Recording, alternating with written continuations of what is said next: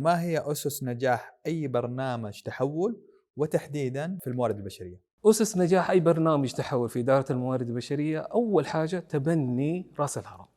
الرئيس التنفيذي مجلس الإدارة. مهم جدا تبني هذا لبرنامج التحول هذا واحد. اثنين إنه يكون عندك ال head of HR أو رئيس الموارد البشرية أو القائد. يجب أن يكون شخص استراتيجي وفي نفس الوقت مرن.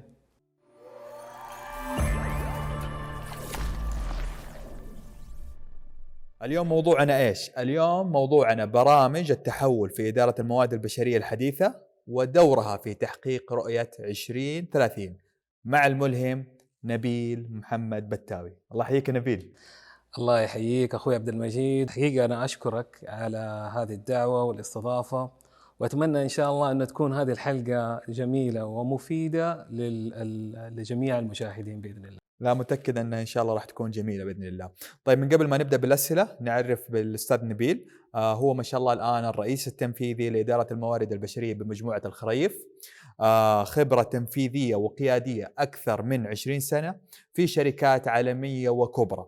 آه ممثل فريق الموارد البشرية باللجنة الوطنية الصناعية وسوق العمل بغرفة الرياض.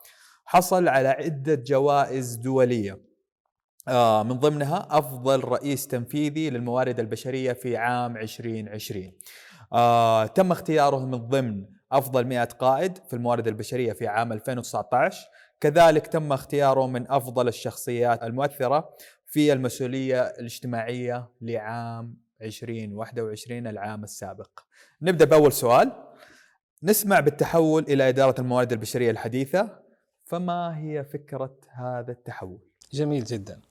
طبعا إحنا دائما بنسمع عن موضوع آه، برامج التحول أو تحول إدارة آه، شؤون الموظفين إلى إدارة الموارد البشرية الحديثة.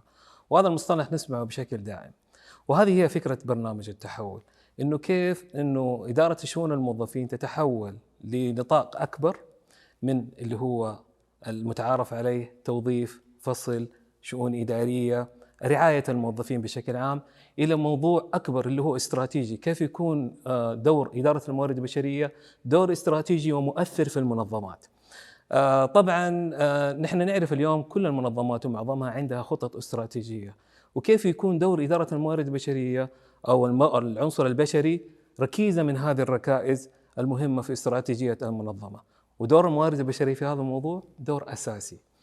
التحول طبعا هذا ما هو شغلة بسيطة لأنه اليوم إحنا بنتكلم عشان نتحول إلى إدارة موارد بشرية حديثة واستراتيجية يندرج تحت هذا الموضوع أعمال كثير، أقسام كثير لازم تفتح، مثل على سبيل المثال آه إدارة آه المواهب وفكرته كيف أنت تستقطب المواهب وكيف تطورهم وكيف تحافظ عليهم.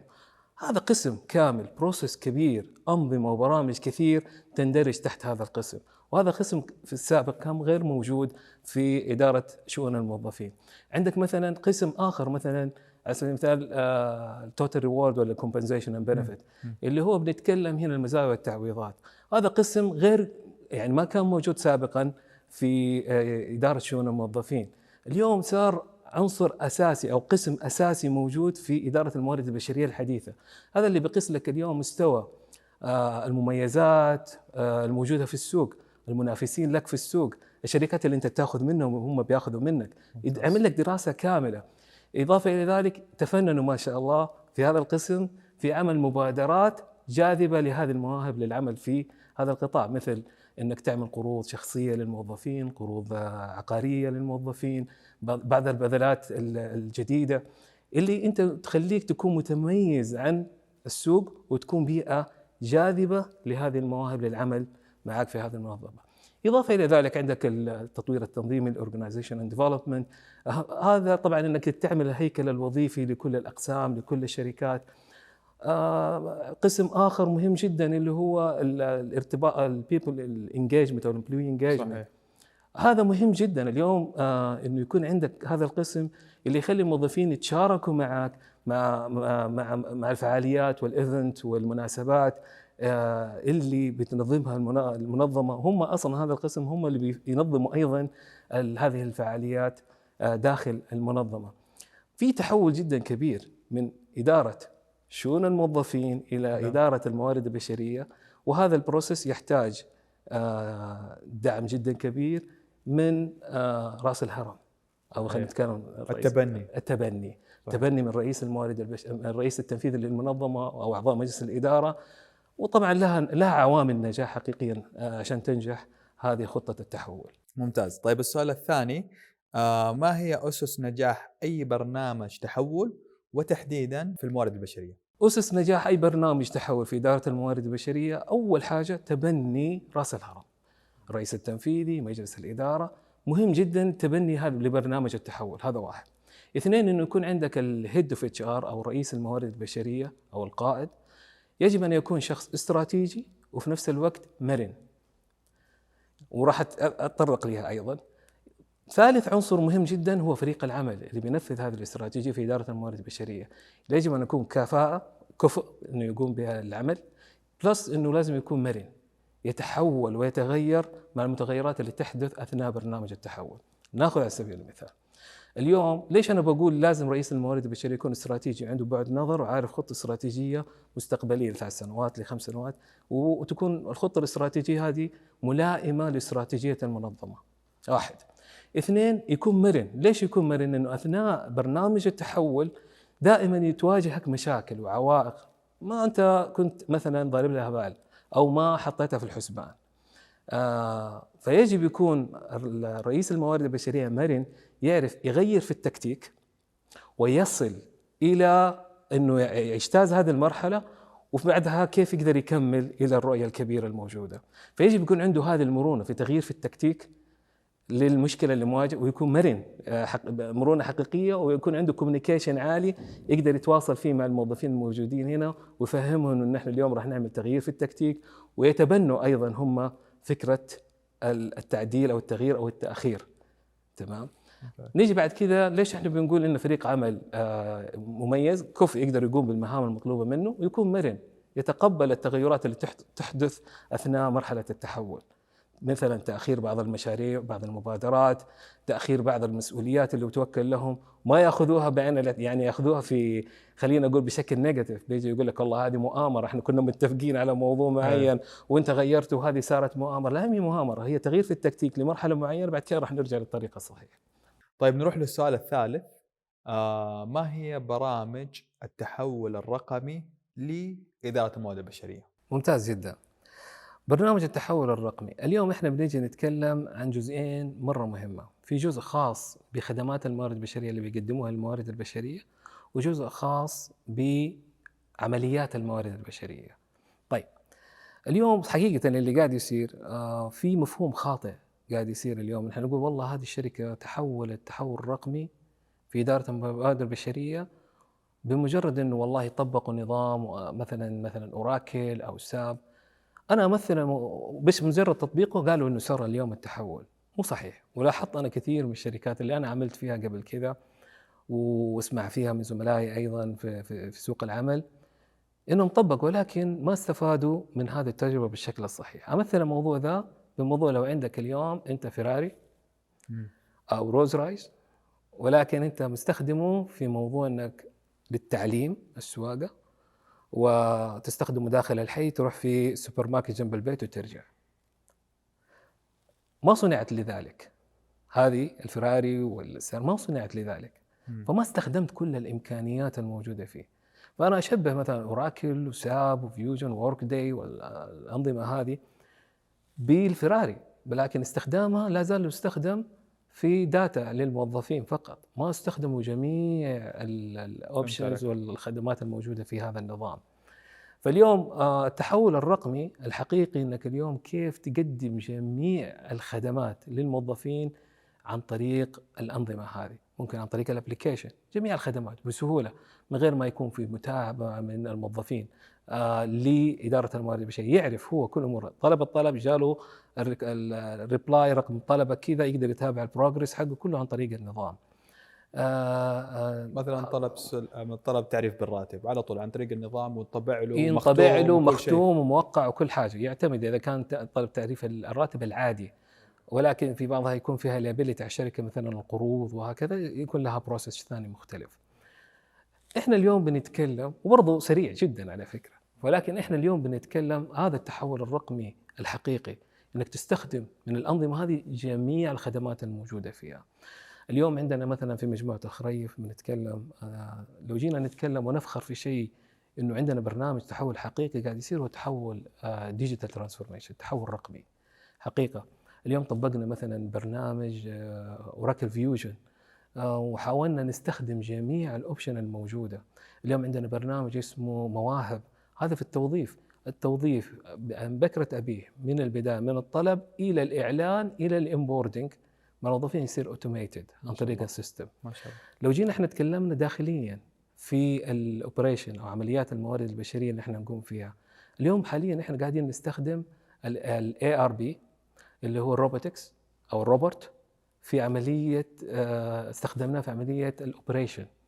اليوم التأمين الطبي بيصير عن طريق الروبوت. إضافة وحذف.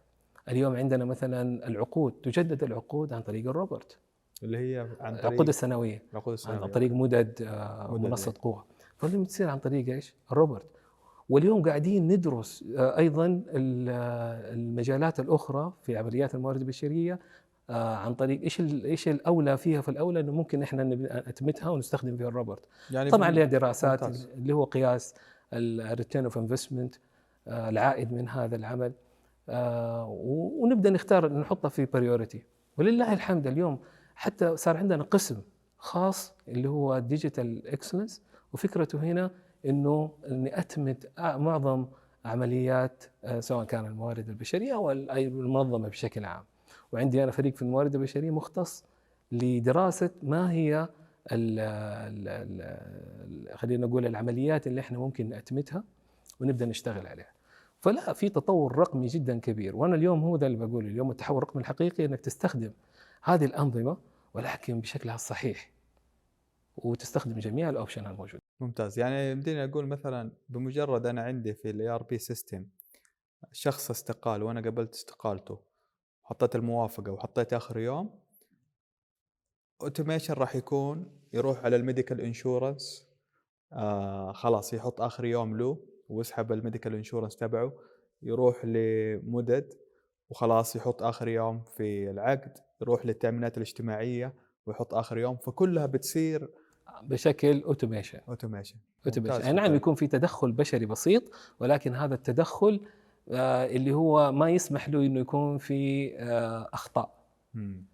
يدخل آه، عنصر البشري في بعض الأحيان لأن ال process مو بالشكل هذا ولكن معظم automation عن طريق الروبوت ولكن ممكن يكون في تدخل بشري بسيط بس اللي يضمن السرعة وفي نفس الوقت إنه ما في يكون أخطاء أثناء عملية الحذف والإضافة. ممتاز. طيب آه، أستاذ نبيل آه، سمعنا كثير عن بيئة العمل. من وجهة نظرك ما هي بيئة العمل المحفزة؟ بيئة العمل بشكل عام هو عادة المتعارف عليه كل ما يتعلق بالموظف من دخوله من باب الشركة إلى ما يخرج. هذا كله يعتبر بيئة عمل. وفيها أشياء تعتبر أساسية وفيها حاجات تعتبر ثانوية. ولكن لنبسط الموضوع هذا للإخوة المشاهدين أنه آه في عندك أربع عوامل رئيسية. أنا في نظري. آه أول حاجة بنتكلم في بيئة العمل اللي هو راتب. طبعا وراح نتطرق فيها. أنا في عندي قانون التوازن أو قانون ال 50%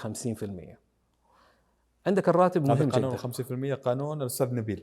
تقدر تقول يعني من طيب، خلال. خبرتي العملية أنا صرت أشوف إنه يمكن هذه الأربع العوامل. هي الأساسية. أنا أعرف إنه بيئة العمل هي بكل ما يختص بالموظف من دخوله من البوابة إلى خروجه. طبعا أشياء كثيرة في أشياء سياسية وفي أشياء ثانوية. ولكن لنبسط الموضوع نقدر نعمل نقول إنه هذه المعادلة قد يقدر ينفذوها كل الشركات الصغيرة والكبيرة والمتوسطة.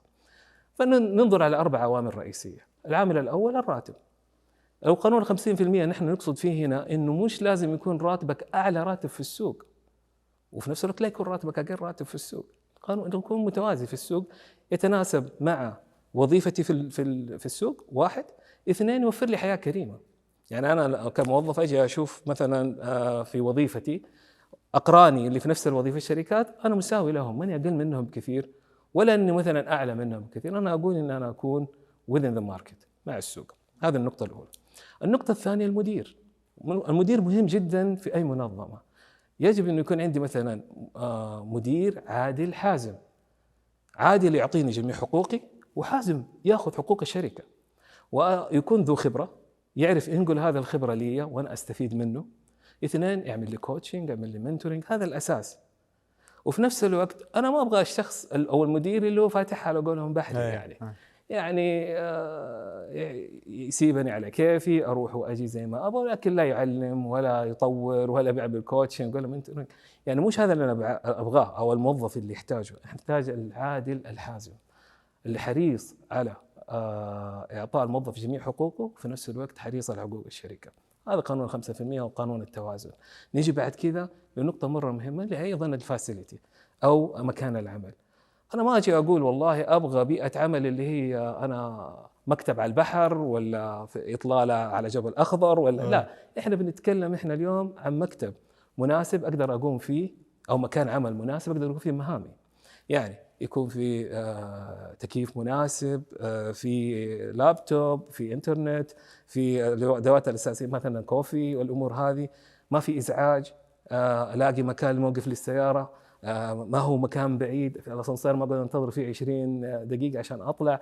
الأمور هذه الأساسيات. شيء يوفر لي مكان عمل أقدر أنتج فيه ومناسب. هذه الفاسيلتي. نقطة رابعة وهي مهمة هي قيم الشركة. وهذه جدا مهمة. اليوم إحنا بنشوف في معظم الشركات لو بتدخل الشركة بتلاقي في قيم موجودة على الجدران. صح. ولكن هل هي مطبقة؟ ولا, بك ولا, ولا بس على الورق؟ ولا بس على الورق. مهم جدا إنه تكون هذه مطبقة.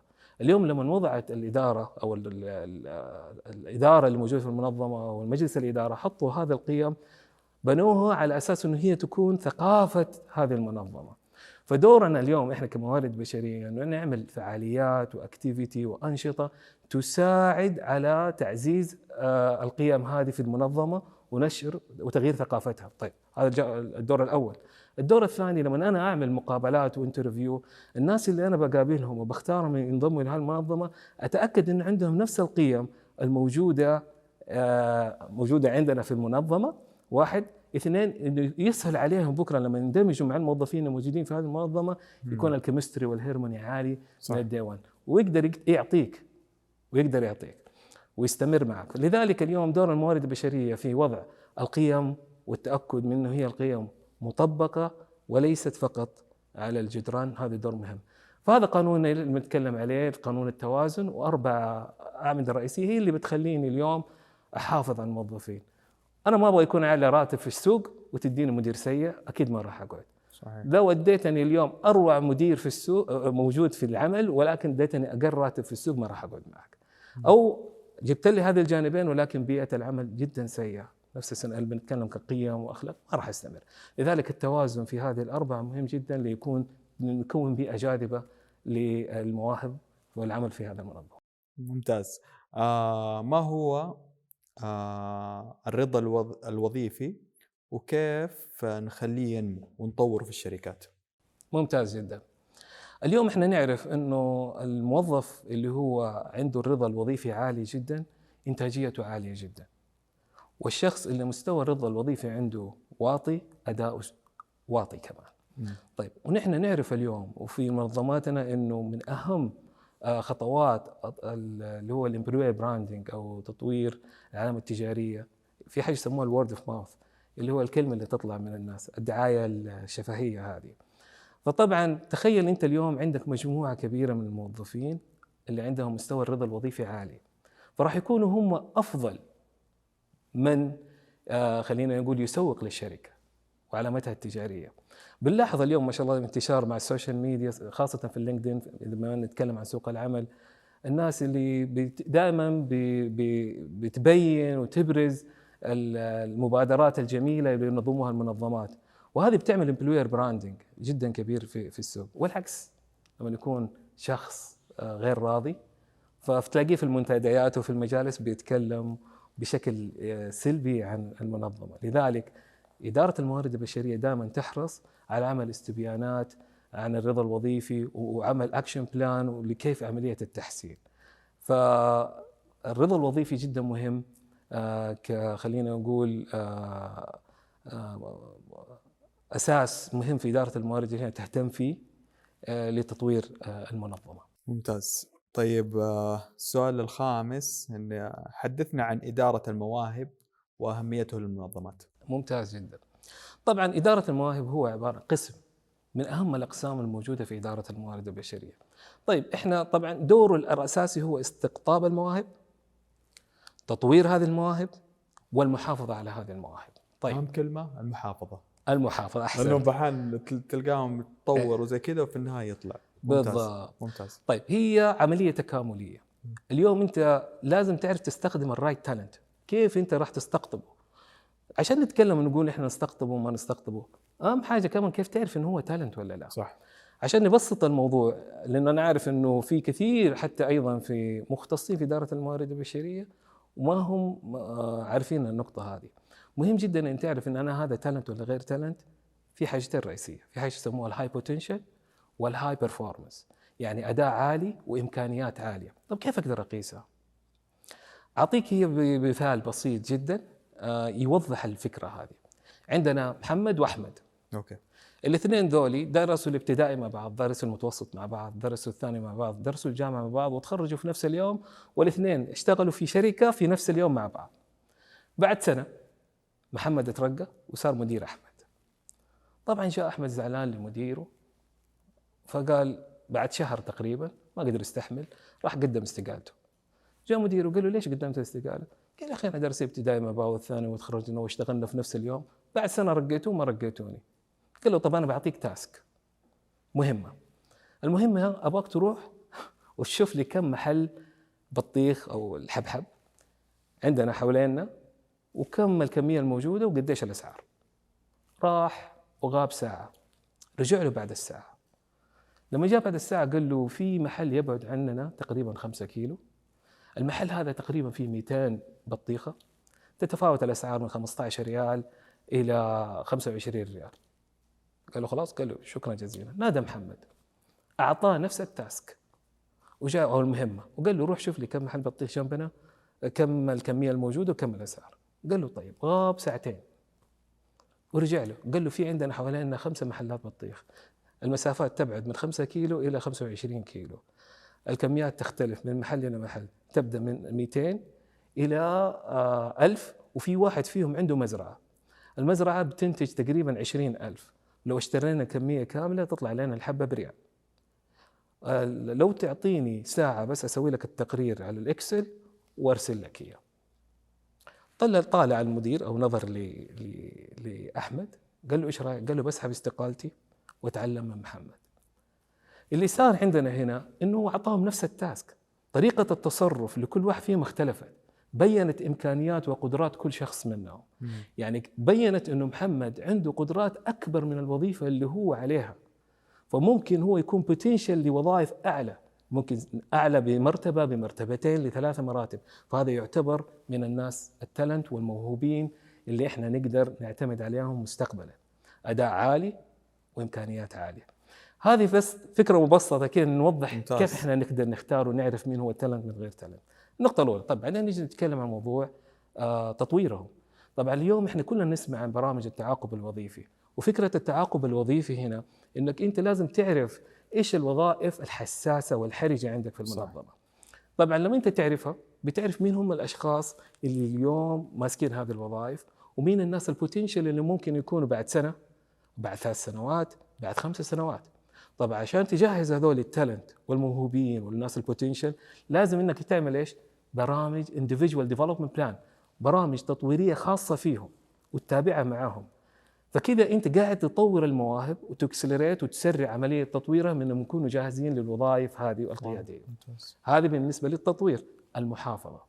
طريقة المحافظة هنا إنه هو لازم أنت تكون عامل له coaching و mentoring بشكل مستمر تتأكد إنه هو اليوم راضي عن التدريب راضي عن طريقة التعامل راضي عن مستقبله مطمن من هذه الناحية فلازم يكون لكل واحد فيهم mentor موجه أو coach يتابع معه بشكل مستمر على أساس إنه إحنا نضمن إنه أموره ماشية وهو عارف إنه هو ليه plan وليه future وليه مستقبل في الشركة فعندك هو هذا دور تحت هذا الدور تحت إدارة المواهب دور وقسم موجود تحت إدارة الموارد البشرية. ممتاز. طويل العمر بما إنك تكلمت الآن عن التعاقب الوظيفي. فما هو التعاقب الوظيفي وما هي أهميته للشركات؟ زي ما ذكرت أنا قبل شوي مهم جدا موضوع التعاقب الوظيفي. اليوم نجي نتكلم إنك تأخذ الوظائف الحساسة والحرجة مشكلتنا اديك على سبيل المثال من خبرتي العملية. إحنا بنتكلم لو تيجي لو تيجي تترك الموضوع لمدراء الأقسام بيجي يقول لك كل الوظائف الموجودة عندي حساسة. تيجي تقول له ليه؟ بيجي يقول لك لو ما جاء أنا ما راح أعرف أشتغل. لا ما هي كده. نعرف إنه هذه الوظائف مهمة ولكنها ليست حرجة. اللي نقصد فيه الحرجة اللي هو صعب إنك تلاقي له بديل. يعني في وظائف مثلا يندرج فيها من معاييرها الندرة. يعني اليوم أنا مشغل ماكينة أنا عارف لو اليوم مثلا ما جاء وأنا مضطر عشان أشغل ماكينة لازم يكون عندي أربع أوبريتور. واحد ما جاء ما راح أقدر أشغل مثلا على سبيل المثال. فتعتبر وظيفة مهمة إنه يكون في أربعة عندي. ولكن بكرة أنا ابدل وأجيب واحد ثاني ويتعلم وسهل إني أنا الاقي واحد واشغله واعلمه ويشتغل كأوبريتور. بس لما نيجي نتكلم وظائف حساسة مثلا على سبيل المثال آه هندسة نووية أو الوظائف آه، الحساسه أو خبير في نوع من أنواع المكاين. وما موجودين إلا ستة سبعة موجودين في العالم على سبيل المثال. هذا لو راح خلاص. خلاص. طيب بس لازم نبدأ نشتغل موضوع مين هو الخليفة؟ مين لو هو مو موجود؟ آه، مين السكسسور حقه؟ مين لو هو موجود يكون جاهز؟ ممكن واحد نجهزه خلال سنة سنتين يكون جاهز ويمسك مكانه. وهكذا. فاختيار أهم شيء في الموضوع ده اختيار الوظائف الحرجة ونتأكد انها وظيفه حرجة ونتأكد إنه يكون في لها آه، شخص ممكن يكون جاهز اليوم جاهز بعد سنة جاهز بعد ثلاث سنوات بعد خمس. سنوات وات ونبدأ نجهز له البرنامج إيش؟ أكثر من شخص كمان يكون جهز له برنامج إيش؟ آه تطويري أو إعدادي لكي يصلوا إلى هذه الوظيفة. ممتاز يعني التعاقب الوظيفي مو إنك تجهزه فترة بسيطة، أحيانا يتطلب عدد سنوات معينة طبعا حتى تجهزه. طبعا. طيب يا طويل العمر آه ما هو المقصود باستقطاب المواهب العالمية آه، والبرامج التي تقدمها الدولة في هذا الموضوع. طيب اليوم إحنا نعرف إنه آه، استقطاب المواهب العالمية والاستفادة من الخبرات العالمية هذا دور مهم جدا ونعرف إنه هو يساهم في تطوير سوق العمل. ونعرف أيضا إنه وزارة الموارد البشرية عندنا في السعودية بتحرص إنها اليوم ترفع اللي هو ترتيبها الدولي آه، في جذب المواهب العالمية للعمل في السوق السعودي. آه، طبعا آه، لأهمية هذا الموضوع إحنا من دول الجي 20 دول العشرين إنه لازم نرفع ترتيبنا أيضا في استقطاب المواهب العالمية، عملت اليوم وزارة الموارد البشرية على مبادرات عديدة، من أهمها الأخيرة هذه اللي هي تحسين العلاقات التعاقدية. سهلت بشكل كبير آه، عملية عمل آه، غير السعوديين في القطاع الخاص. هذه واحد. عندك أيضا مثلا برنامج آه، تملك. نجي اليوم نتكلم أيضا فتحوا هذا البرنامج التملك غير السعوديين. بنتكلم اليوم الإقامة الدائمة أو الممتدة. هذه برضو من البرامج والمبادرات المهمة لاستقطاب الكفاءات العالمية أنها تعمل في السوق السعودي. آه، آه، الاستثمار الأجنبي أيضا. فهذه كلها مبادرات وفي مبادرات قادمة أيضا لجذب واستقطاب المواهب المتميزة النادرة للعمل في السوق السعودي. ممتاز، أنا بس في عندي سؤال، ليش نستقطب مواهب عالمية من خارج السعودية على آه، مناصب في الإدارة العليا، رئيس تنفيذي، نائب رئيس تنفيذي، ليش ما أجيبه كموظف تحت؟ ومثلا أخلي السعودي ال upper hand عشان ياخذ الخبرة منه. طيب خليني أوضح لك نقطة مرة مهمة هنا. اليوم طبعا إحنا بنستخدم مواهب ما حددناها على رؤساء تنفيذيين أو مناصب معينة. هي مفتوحة لكل المجالات ولكن إحنا هنا بنتكلم إنه نستقطب الناس اللي عندهم خبرات مختلفة. م. عندهم خبرات تساهم في تطوير السوق السعودي تطوير المنظمات اللي إحنا موجودين عليها. طيب يصادف الموضوع إنك تحتاج إنك توظف رئيس تنفيذي آه، غير سعودي. فمن المفترض إنه أنت تعطيه جميع الصلاحيات. ما ينفع إن أنا أجيب واحد خبير وخبرة صحيح. وأقول له أنت تكون consultant وما أعطيك الصلاحيات ولا أعطيك الممكنات. ما حمدي ينفذ. ما حمديك ما حمدي يعطيك كل حاجة. ولكن عشان تضمن التجربة هذه تكون تجربة حقيقية فيها نقل معرفة وتجهيز حقيقي لل talent الموجودين السعوديين يجب أن يكون في المنصب. المفروض يكون عليه سواء رئيس تنفيذي ويعطوه جميع الصلاحيات؟ واضح. طيب السؤال اللي بعده اللي هو السؤال الثامن ما رأيك في دور المرأة في سوق العمل؟ وهل يمكن الاعتماد عليها في الوظائف ال- اللي هي مدينا نقول الوظائف الكريتيكال الوظائف الحرجة؟ نعم. طبعا اليوم إحنا كلنا بنعرف إنه المرأة هي آه، النصف الآخر من المجتمع. خلينا نقول هي آه، دورها جدا مهم في في المجتمع. سواء كان في سوق العمل ولا غيره طيب خلينا نتكلم إحنا بشكل آه، عملي وخاصة في سوق العمل آه، إحنا بنلاحظ في تطور كبير صار في سوق العمل وخاصة في قطاع التجزئة خلال الخمس سنوات الماضية من بعد الدعم القوي من آه، من وزارة الموارد البشرية في تمكين المرأة. وبنلاحظ الاختلاف الكبير اللي صار في سوق التجزئة تحديدا قبل خمس سنوات والآن. تطور جدا كبير. الوظيفة هذه نحن كلنا نعرف ما كانت جاذبة للشباب السعوديين للعمل سواء في الكشكات في المحلات في المولات ما كانت ديك الوظيفة الجاذبة اللي ممكن يجي فيها شخص ويستمر ويبني حياته عليها. وكانت معظمها غير سعوديين وهذا الشيء اللي كنا نشوفه إحنا زمان واليوم بعد دخول المرأة في سوق في سوق العمل تطور وتنظم هذا الموضوع بالعكس أنا بديت أشوف أيضا آه، تحسن في الخدمة في لباقة في العمل بكل أدب وبكل احترام. حقيقة نجحت المراه في قطاع التجزئة بشكل جدا كبير في الفترة الماضية. اثنين لو جينا على مستوى الوظائف الإدارية والعليا ولله الحمد اليوم نشوف في جميع الأقسام في المحاسبة في الموارد البشرية في الوظائف الإدارية في التسويق في نجحوا نجاح جدا باهر وكبير. طيب فين رايحين؟ وش المستقبل لهم؟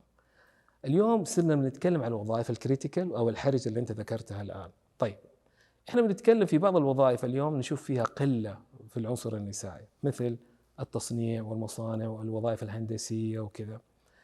ف وذلك لعدة أسباب لأنه كانت البيئة في ذاك الوقت غير بيئة جا... ما هي بيئة جاذبة ولا هي مناسبة لتوظيف آه، السيدات.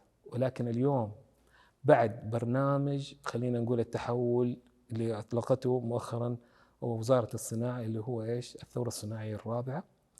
ودعم المصانع وبرامج دعم أيضا آه، للمصانع والقطاع الصناعي للتحول والأتمتة هذا البرنامج بإذن واحد أحد توقعاتنا أنه راح يساعد كثير من تطوير آه، القطاع الصناعي وبذلك خلق فرص جديدة في هذا السوق وبالتالي أيضا آه، تنظيم بيئة العمل لأنه راح يكون أتمتة وروبوتس والأمور هذه. فطبعا آه، هذا لو تغيرت البيئة هذه راح تكون بيئة جاذبة ومناسبة للقطاع للعنصر النسائي للعمل في القطاعات الصناعية. خليني بس أعطيك بعض ال-. ال- التجارب السابقة يمكن في 2010 آه، آه، عملنا طبعا أنشأنا مصنع في إحدى شركات الأدوية اللي كنت أعمل فيها في ذاك الوقت مصنع كامل متكامل سيدات هذا 2010 والمصنع حقيقة كان خارج مدينة جدة في ذاك التوقيت يعتبر هذيك المنطقة خارج مدينة جدة. طبعا التجربة نجحت نجاح باهر. المصنع هذا كان يدار برجال. بس لما قلنا إحنا بنوظف في 2010 ذاك الوقت خلاص نخليه بالكامل نسائي. ال operator المشغلين نساء المشرفة آه، سيدة ال quality control اللي موجود نساء مديرة الإنتاج سيدة. طبعا استغلنا الفرصة لأنه بيئة العمل والمكان ذاك كان يتطلب انك لما تدخل لأنه تعرف أنت أدوية. لما تدخل ما تخرج. المفروض أنك تخرج تتروش وكذا وتطلع. وقلنا خلاص بيئة مناسبة نقدر نوظف فيها نساء كتجربة. هذا 2010 شكينا أنه ممكن الموضوع ينجح ولكن نجح نجاح باهر. الشيء اللي استفدناه من هذا الموضوع السيد القسم النسائي أو النساء تحديدا لو وفرت لهم البيئة المناسبة وأعطيتهم التمكين الكامل سيبهروك. سيبهروك. أختم بحاجة جميلة حقيقة وأستغل إنه إحنا في لقاء قبل أسبوعين آه، جاتني زيارة من مجموعة من لجنة آه، اللي هم المهتمين بت- بتدريب آه، طالبات كلية الهندسة بجامعة الأميرة نوره. فقعدنا مع اللجنة وأنا بتكلم معاهم صدمت.